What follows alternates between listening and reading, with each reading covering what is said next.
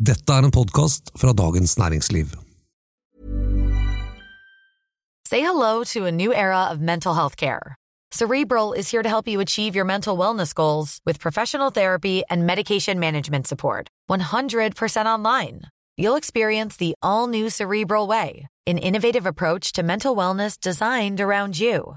You'll get a personalized treatment plan from a therapist, prescriber, or both in a safe and judgment free space.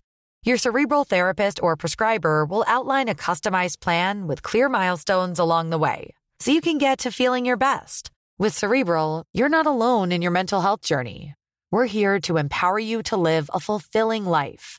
So take that first step towards a brighter future and sign up today at cerebral.com slash podcast and use code ACAST to get 15% off your first month. Offer only valid on monthly plans. Other exclusions may apply. Offer ends July 31st, 2024. See site for details. Hvorfor kjøper vi fortsatt aktive fond?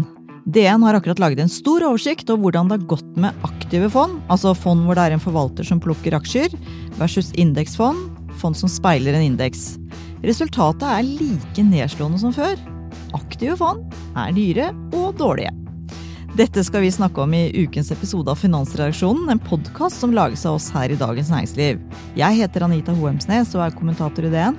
Og jeg heter Terje Erikstad og er finansredaktør. Og jeg heter Torgrim Jensen og skriver om aksjer.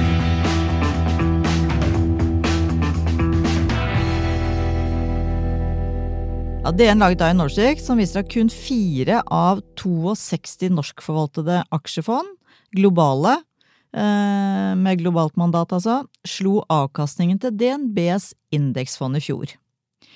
Dette er en eh, Dette føler jeg at jeg har lest før, for å si det sånn. Men hva forteller denne statistikken oss, Terje? Jo, den forteller jo det som du har lest før, eh, nett, at over tid er det veldig få forvaltere som klarer å slå markedet. Og det er jo det som er eh, definisjonen på et aktivt fond. Altså fondet eh, investerer ulikt eh, i forhold til den indeksen det måler seg mot. Alle fond måler seg mot en eller annen form for indeks, fordi det er på en måte eh, den eh, sammensetningen som du ville ha fått hvis du ikke gjorde noen aktive valg. Og de aktive valgene er da enten å overvekte noen aksjer, eller å undervekte noen aksjer, og dermed tro at man klarer å slå At du har funnet det der selskapet som kommer til å liksom virkelig knase til eh, året? Nettopp. Og så skal jo dette fondet da etter kostnader klare å slå indeksen. Og det er klart at et aktivt fond har høyere kostnader enn et indeksfond. Fordi eh, aktiv, hvis du skal ta gode beslutninger, så må noen skjønne hva selskapene holder på med, eh, gjøre vurderinger osv. Så, videre. så det, man må ha flere folk og bedre systemer. og, og dermed så koster aktive fond mer. Og da er liksom veddemålet at de klarer, etter kostnader, å gjøre det bedre enn det et rent indeksfond eh, med lave kostnader ville gjort det. Og det Gjør det ikke. gjør det ikke, og det er jo det man egentlig kan forvente, fordi eh, gjennomsnittet er jo markedet. Mm. Og de fleste kan ikke være bedre enn gjennomsnittet, selv om vi tror det som sjåfører, da. Mm. Det, at, Men, at vi alle er bedre sjåfører. Ja, ja. Mannlige. Ok da, det, damene er litt mer, har litt mer selvinnsikt. Ja. Men det er eh, nettopp det som vi har skrevet om eh, mange ganger. Nettopp at aktive fond er litt sånn veddemål, da, hvis du investerer i det. Som personkunde. Eh, Det er det vi prater mest om nå, ikke sant? Ja. Hva vi vanlige småsparere driver med. Og, og jeg sier ikke at ikke aktive aksjefond klarer å slå markedet, det er mange eksempler på. Men spørsmålet er om det er flaks. Altså at de vinner sine veddemål ett år, og så neste år så taper de sine veddemål. Det er Mm. det som på en måte er eh, Noen forvaltere klarer nok Altså, noen må jo være bedre enn gjennomsnittet. Mm. Eh, ellers, så, ellers så ville alle på en måte være gjennomsnittet, for da Ja. kunne ingen være dårligere heller.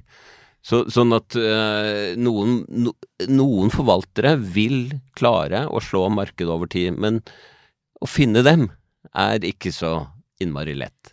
Uh, Tor Christian, du er jo litt sånn som prater om indeksfond med litt forakt. Uh, er det for lite fart og spenning for deg, eller? Nei, altså jeg har ikke noe forakt for eh, indeksfondet. Det er jo fantastiske saker, og spesielt da med det som dere har startet sendingen her nå med, ikke sant, om at uh, all akademisk forskning viser jo det at de aktive fondene over tid klarer ikke å, å slå de um, indeksfondene justert for, for kostnader. Men så er det noe veldig spennende også å tenke på at uh, disse aktive fondene spiller jo en veldig viktig rolle med å sette retningen i markedet. For la oss ha et, tankeeksperiment. At uh, alle skulle være indeksfond.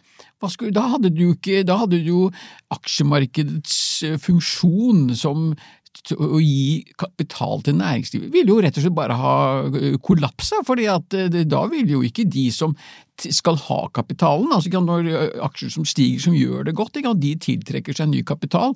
Og Det er jo nettopp ved at Eh, aktive fond de går ut og leter, og som Terje snakket om, har store staber og flinke folk eh, som, som leter etter uh, vinneraksjer, og som da driver kursen. Og Hvis alle skulle gå rundt og være indeksfond og bare kjøpe i forhold til det som det er i markedet i dag, så hadde jo alt bare stoppet opp. Så jeg heier for, for aktive fond, og jeg kan godt skjønne hvorfor de som driver aktive fond heier, for det, er jo de som blir steinrike. Hvis du skal se på alle verdens rikeste forvaltere, så er jo de slike eh, aktive fond. Nå så jeg jo sist noe tall fra dette eh, fondet til Ole Andreas Halvorsen, han eh, nordmann som bor i Connecticut i USA, og som driver dette Viking-fondet. Hva var det han hadde tjent nå i siste år?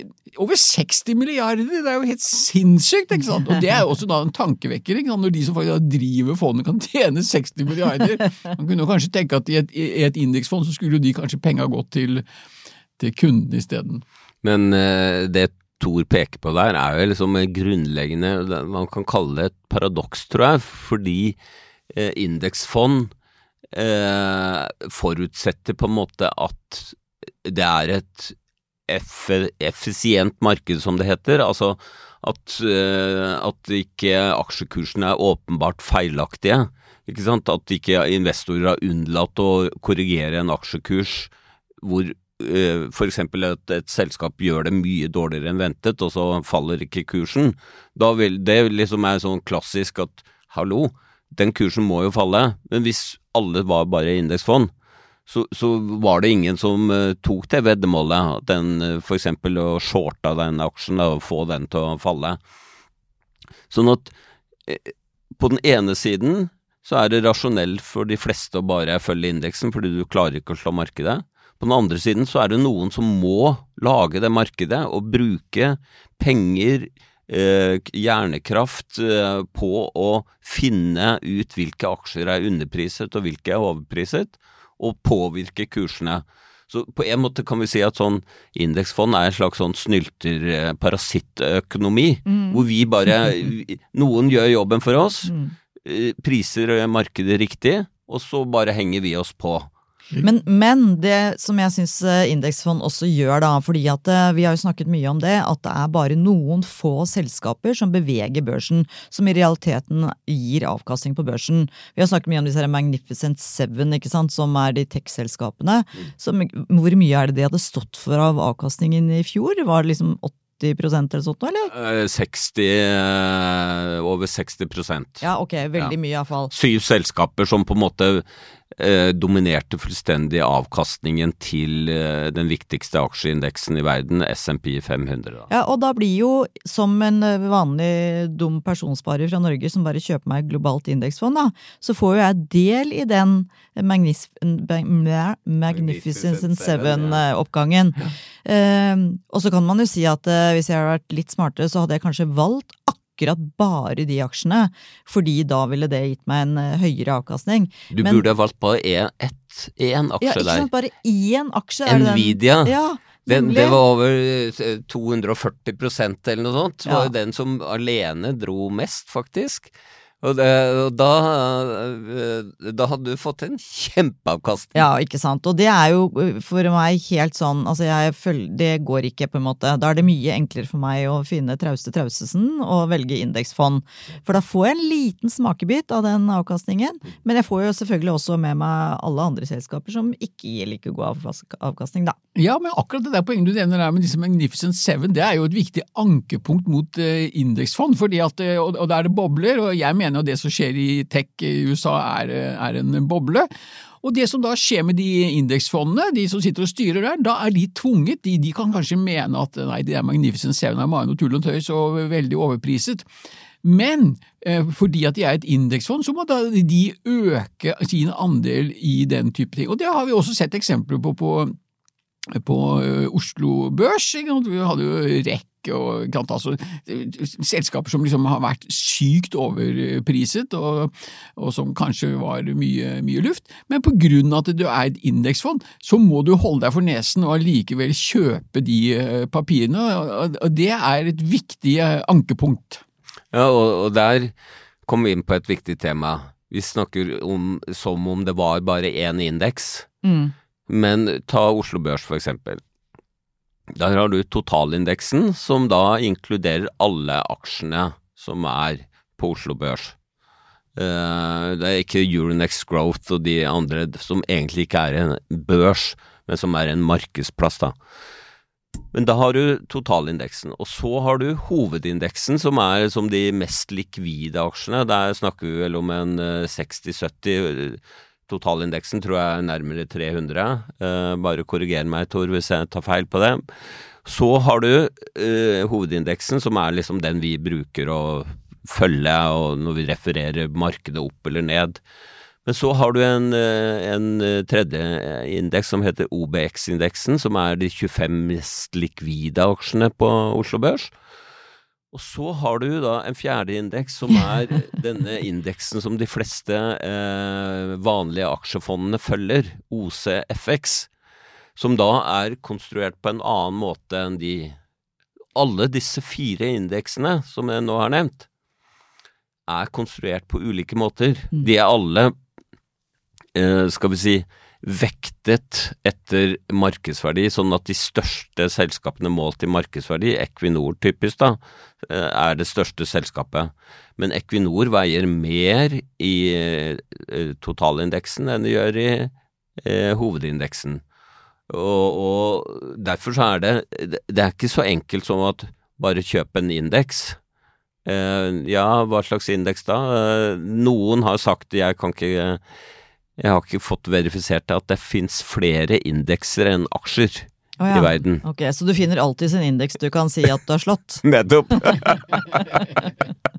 ja, og så er det jo veldig spennende at dette med eh, disse indeksfond og aktive fond, det er jo virkelig big business, og som vi har snakket om, altså de, de, store forvaltningshonorarene da, i prosent, de finner vi jo da i de, de, aktive fondene hvor de kanskje kan ta både 2 og 3 og 4 prosent. Og så er det jo det som heter sånn suksesshonorar, og det er jo uttrykk som heter 2 and 20, altså hvor de da tar, og dette er jo typisk for aktive fond, da du tar 2% forvaltningshonorar, og så skal du ta 20 av eh, suksesshonorar, som da er en, en, en eh, avkastning du skal, du skal, kreve av kunden din over en viss sånn terskel, terskelavkastning. Eh, så det blir jo fort eh, mye penger av, og spesielt da for de som driver fondene.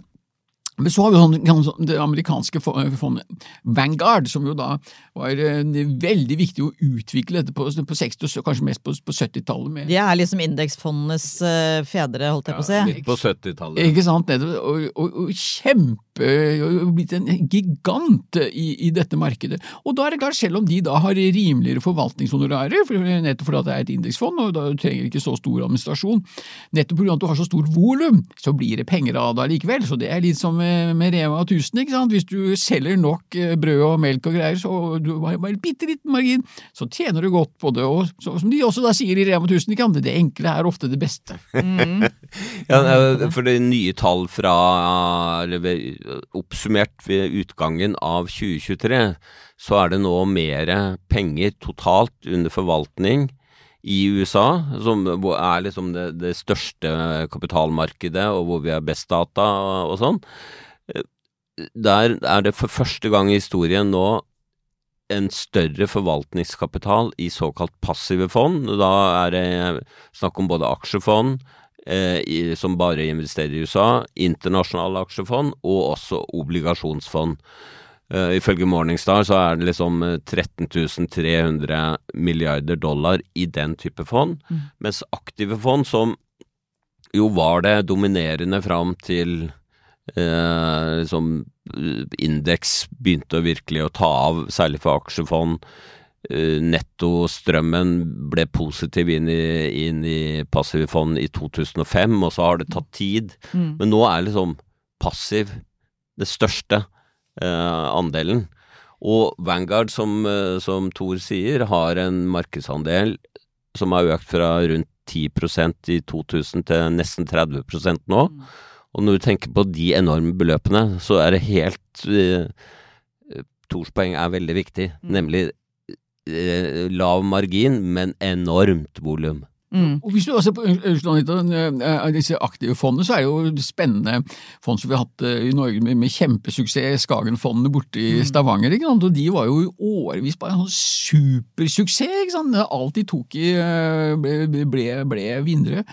Og folk kastet jo pengene sine etter Skagen-fondet, og de vant mye på eh, dels eh, globaliseringen, og de var jo mye, veldig innenfor eh, verdiaksjer, sånne giganter som Samsung og slikt. Det ble, ble jo pengemaskiner for Skagen-fondet, og Skagen-fondet ble også da en pengemaskin.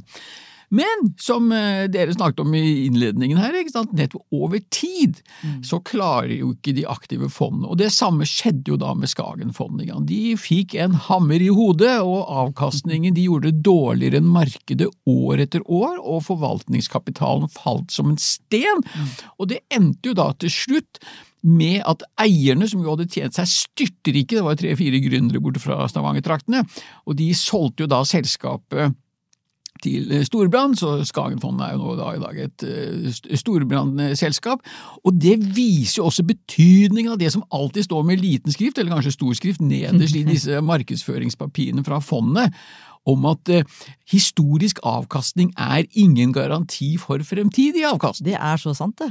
Og det er så utrolig viktig, og så er det så allikevel så er det så lett at man, man må jo måle det mot noe, ikke sant? Mm. Og da famler du, og så ser du å, det fondet der har gjort det kjempebra i fjor. Sånn som vi også når vi skriver, ikke sant, fire av 62 fond har slått eh, det med global indeks, så blir det jo liksom ok, hvem er de fondene da, hvor har de lykkes? Og så eh, intervjuer vi forvalteren, da, og så sier han noe sånn floskelaktig om at ja, han traff akkurat riktig, og, ikke sant. Og det kan godt hende, er sikkert kjempedyktig, mange, altså, så det er ikke det, men, men men det er liksom bare så forsvinnende liten andel. Og så syns jeg det er interessant når du sier at eh, totalt i verden nå så er det mer penger på vei inn i passivt, er, eller i indeks, da, enn det er i aktiv. For jeg fikk akkurat tallene fra Verdipapirfondenes forening for i fjor, når det gjaldt andelen i indeksfond. Og da, for norske personkunder, så er det 29% av den samlede forvaltningskapitalen som går til indeksfond. Mens da resten går til aktive fond. Og det var Jeg syns at det er overraskende lavt, faktisk. Selv om det kommer jo fra et mye lavere nivå, altså for uh, stund Men du hadde også tall for hva de proffe, institusjonelle Nemlig! For hvis du ser på det liksom norske personkunder, det er oss, da, og så ser du på det institusjonelle, som, uh, som da er institusjoner og som er skikkelig proffene, der er det 47 andel i indeksfond av, eh, av samlet forvaltningskapital.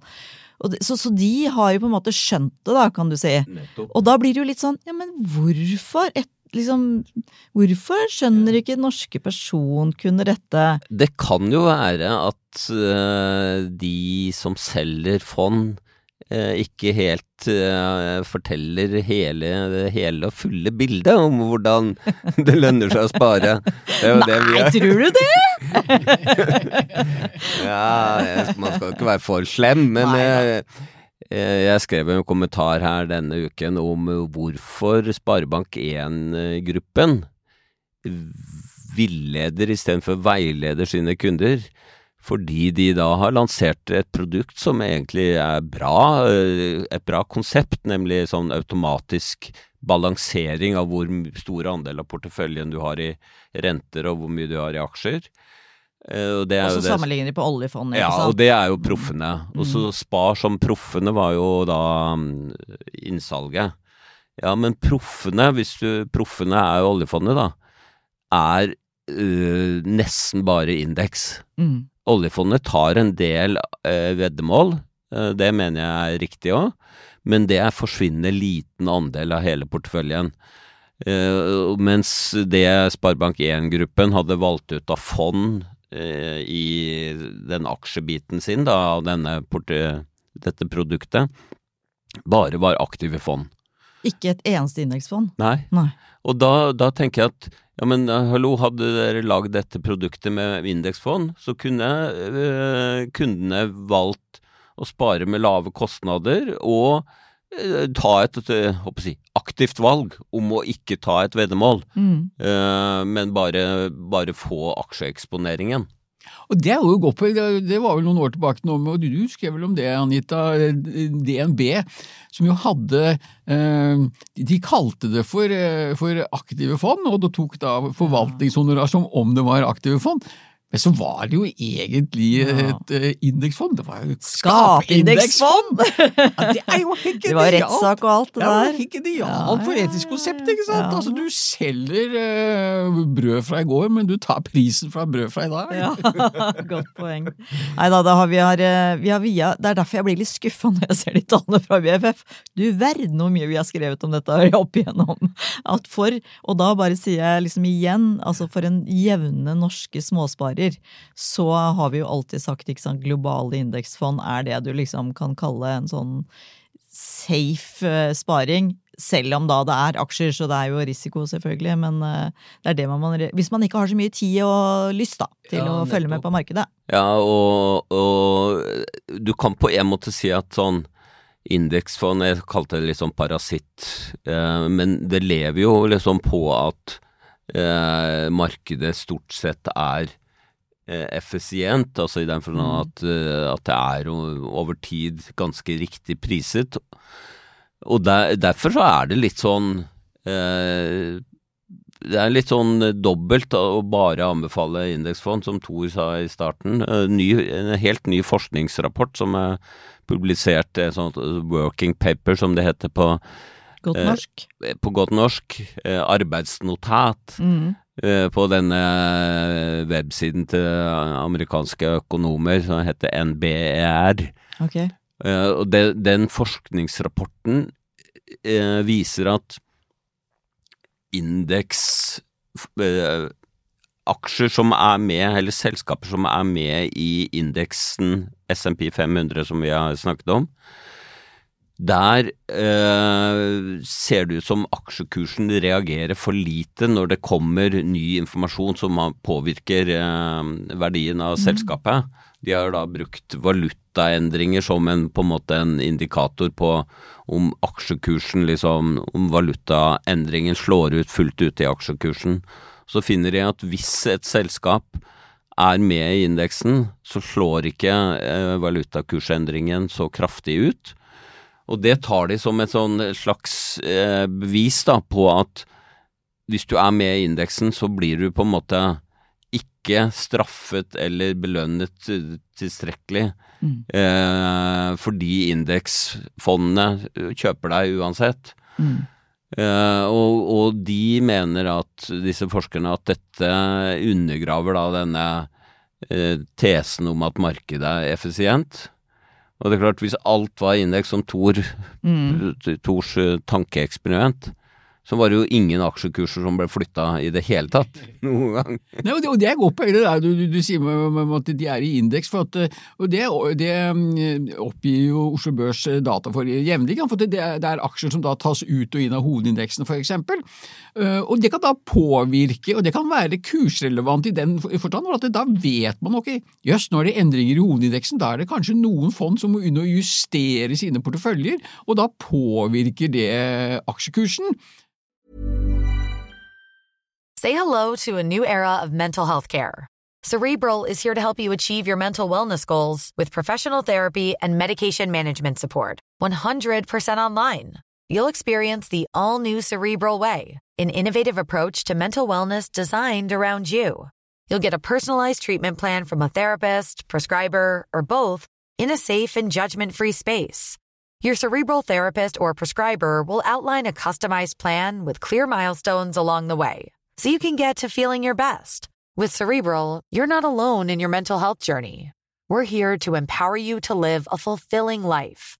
So take that first step towards a brighter future and sign up today at cerebral.com slash podcast and use code ACAST to get 15% off your first month. Offer only valid on monthly plans. Other exclusions may apply. Offer ends July 31st, 2024. See site for details. Cool fact a crocodile can't stick out its tongue. Also, you can get health insurance for a month or just under a year in some states. United Healthcare short term insurance plans, underwritten by Golden Rule Insurance Company, offer flexible, budget friendly coverage for you. Learn more at uh1.com. Hey, I'm Ryan Reynolds. At Mint Mobile, we like to do the opposite of what Big Wireless does. They charge you a lot, we charge you a little. So naturally, when they announced they'd be raising their prices due to inflation, we decided to deflate our prices due to not hating you. That's right. We're cutting the price of Mint Unlimited from $30 a month to just $15 a month. Give it a try at mintmobile.com slash switch. $45 upfront for three months plus taxes and fees. Promote for new customers for limited time. Unlimited more than 40 gigabytes per month. Slows. Full terms at mintmobile.com. Ja, Det er et veldig godt poeng eh, Tor har der, eh, nemlig dette med verdien av å være med eh, i en indeks, eller komme inn i en indeks. For, for oljefondet, som jo jeg skrøt av var proffe og fulgte indeks, så er dette en stor utfordring. De er tvunget til å kjøpe alle selskaper som kommer inn i disse indeksene som de følger. Mm. Uh, og, og uh, de prøver da å, å, å si, gjøre det så billig som mulig, og ikke drive opp kursen mer enn nødvendig. Liksom gjøre det Nå har de tatt i bruk kunstig intelligens for å, for å gjøre det på en smart måte. Eh, fordi ikke sant, sånn som fondet er konstruert, så får fondet så lenge det er nok oljepenger inn og man ikke bruker opp alt, så får fondet påfyll fra staten hele tiden. De pengene skal da inn i markedet, og så skal de da inn i fond eller selskaper som uh, Husk på at uh, oljefondet lager sin egen indeks. Altså, eller de, lager sin egen indeksportefølje, så de er nødt til å kjøpe eller selge uh, aksjer som skal inn eller ut av indeksen. Og det er en stor utfordring å gjøre det på en effektiv måte. DN hadde også en litt artig sak om en sånn, han tidligere postordrekongen. Altså da for uh, unge så er det da netthandel før internett. ja, det, På en måte. Men jeg husker, han, husker hans kataloger, faktisk. Ja, investor Ivar Løge. Han er da 85 år, og han sier nå i intervjuet at det var først for et par-tre år siden han uh, oppdaget indeksfond. Og nå har han da nett sum av 250 millioner kroner i det. Men det er en sen oppvåkning, men sent, men eh, godt, da. Og følger da i tråden til disse institusjonelle investorene. Jeg tror ikke han har tapt så mye på den sene oppvåkningen, for han er jo drivende dyktig kar. Og er jo blitt steinrik, ikke sant. Og ikke bare hva skal vi si, han utviklet postordre-businessen, men han har vært flink til å forvalte pengene sine òg. Mm. Han har fått litt hjelp av Petter Hermanrud, som jo ikke er så dårlig til å forvalte, han heller. investere. Og han er ikke noe indeksdude! Nei, men, men, det, men, Løge har jo da, det er jo interessant, han, altså, han har en del enkeltaksjer på Oslo Børs. Mm. Uh, og har litt den filosofien som Warren Buffett og, og avdøde Charlie Munger hadde. Kjøpe noen kvalitetsselskaper og holde dem over mm. tid. Det er jo liksom den stikk motsatte av eh, indeksforvaltning, ikke sant. Det er liksom å velge noen få eh, kvalitetsselskaper. Og da har jeg bare lyst til å komme tilbake til det du sa tidligere, Anita, nemlig at det er jo noen få selskaper som skaper de meste, største verdiene i aksjemarkedet. Det har vi sett i alle markeder. Så liksom, det er ikke sånn at eh, alle selskaper i snitt gir samme avkastning til, til eh, eierne. Tvert imot, det er noen få som genererer nesten alt, og klaffer du, finner du dem, ja, da slår du jo markedet. Da må jeg bare ta med et tall som også står i den eh, eminente saken som er på DNNO. Altså, da er det Robin Rigglesworth, som er eh, FT, altså redaktør i Financial Times, og som også har skrevet boken Trillions om eh, indeksfond, eller om passive investeringer. Som uh, som Jeg lurer på om det er han som refererer den studien. Ja, ikke, jeg skal ikke drive med sånn pilak... Nei, hva heter det for noen feil uh, henvisninger her akkurat nå? Plagiat? Eh, ja. Jeg refererer at jeg liksom, ja, Samme av det. Men han sier mellom 1990 og 2020 eksisterte det totalt 64 000 større aksjer globalt. Av disse sto kun 2,4% for all verdiøkningen som ble skapt i tidsperioden. Det er jo helt ellevilt. Jeg vet at du har sett på noe av det samme, Terje. Men jeg var ikke klar over at det var så få, liksom. Nei, De tallene jeg har sett på, eh, det er en annen forskningsrapport, viser jo at det er eh, noen få selskaper som siden 1926 oh ja, vi Har skal dit, skapt- ja. ja. Selvfølgelig skal du lenger tilbake. det Som har var jo skapt ved Jesu tid, da! Men, men det, det som er eh, interessant, eh, altså dette har man jo nå visst en stund, eh, at det er dokumentert at noen få selskaper skaper nesten all merverdi for eh, Men det, det må jo være det beste argumentet for indeks. Ja, Fordi på du en måte. Du klarer de, ikke å finne dem på forhånd. Ja. Du gjør jo ikke det. Eh, nå men- meg høystakk. eh, Ja, men det var det som var så fint, for det altså sier han Wigglesworth, som jeg også der som, det, som jeg tenkte på, at det er mye bedre å kjøpe hele høystakken enn å drive og prøve å finne de to nålene som ligger oppi den. Nettopp. Det er et godt bilde. La, la meg bare fullføre at den nyeste, den nyeste forskningen viser at konsentrasjonen blir stadig større. Altså at det, det, det blir færre og færre sånne superselskaper som skaper Ja, merverdien. Så, så det konsentreres. Det er liksom tendensen over de siste 10-15 årene. Det er jo ikke sikkert at det fortsetter, men det er liksom det man kan observere, da. Men det var interessant, Terje, du nevnte jo eh, Warren Buffett, og han går vel for å være verdenshistoriens eh, smarteste og beste eh, investor, og han er definitivt ikke noe in, eh, indeksdude, og han har jo nettopp eh, påpekt det at eh, du kan ikke ha for mange aksjer i porteføljen din, for at du har ikke eh, overskudd. Du, du klarer rett og slett ikke å, å følge med på så mange selskaper, og det er også begrenset hvor mange gode ideer det, det finnes. Ref nettopp det med at det er så få selskaper som faktisk skaper den avkastningen. Så du må finne, altså holde deg til de få, altså istedenfor å velge ti veldig gode selskaper, istedenfor å ha 30 halvgode selskaper. Og dette er jo et veldig interessant tankekors nettopp i diskusjonen om aktive fond og indeksfond. Så han Warren Buffett han er jo ikke helt tapt bak en vogn, han heller. Nei, han er ikke det. Men uh, igjen, da har vi tatt en liten runde på aktive versus passe. Vi tror vi står på den derre faste Er du sånn uh, småinvestor, så velg deg et globalt indeksfond og bli der. Og still et par ekstra spørsmål til banken din når de har lyst til å selge deg et aktivt aksjefond. Så at de i hvert fall får eh, spørsmålet om hvorfor akkurat du skal investere i det, istedenfor å, å ta, den, ta det mye billigere indeksfondet. Lykke til med det. Les eh, våre saker på dn.no om temaet. Vår produsent er Gunnar Bløndal. Ha det bra!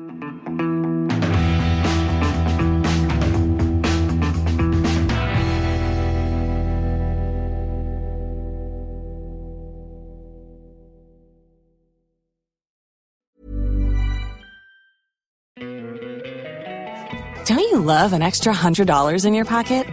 Have a TurboTax expert file your taxes for you by March 31st to get $100 back instantly. Because no matter what moves you made last year, TurboTax makes them count. That means getting $100 back and 100% accurate taxes only from Intuit TurboTax. Must file by 331. Credit only applicable to federal filing fees with TurboTax full service. Offer can be modified or terminated at any time.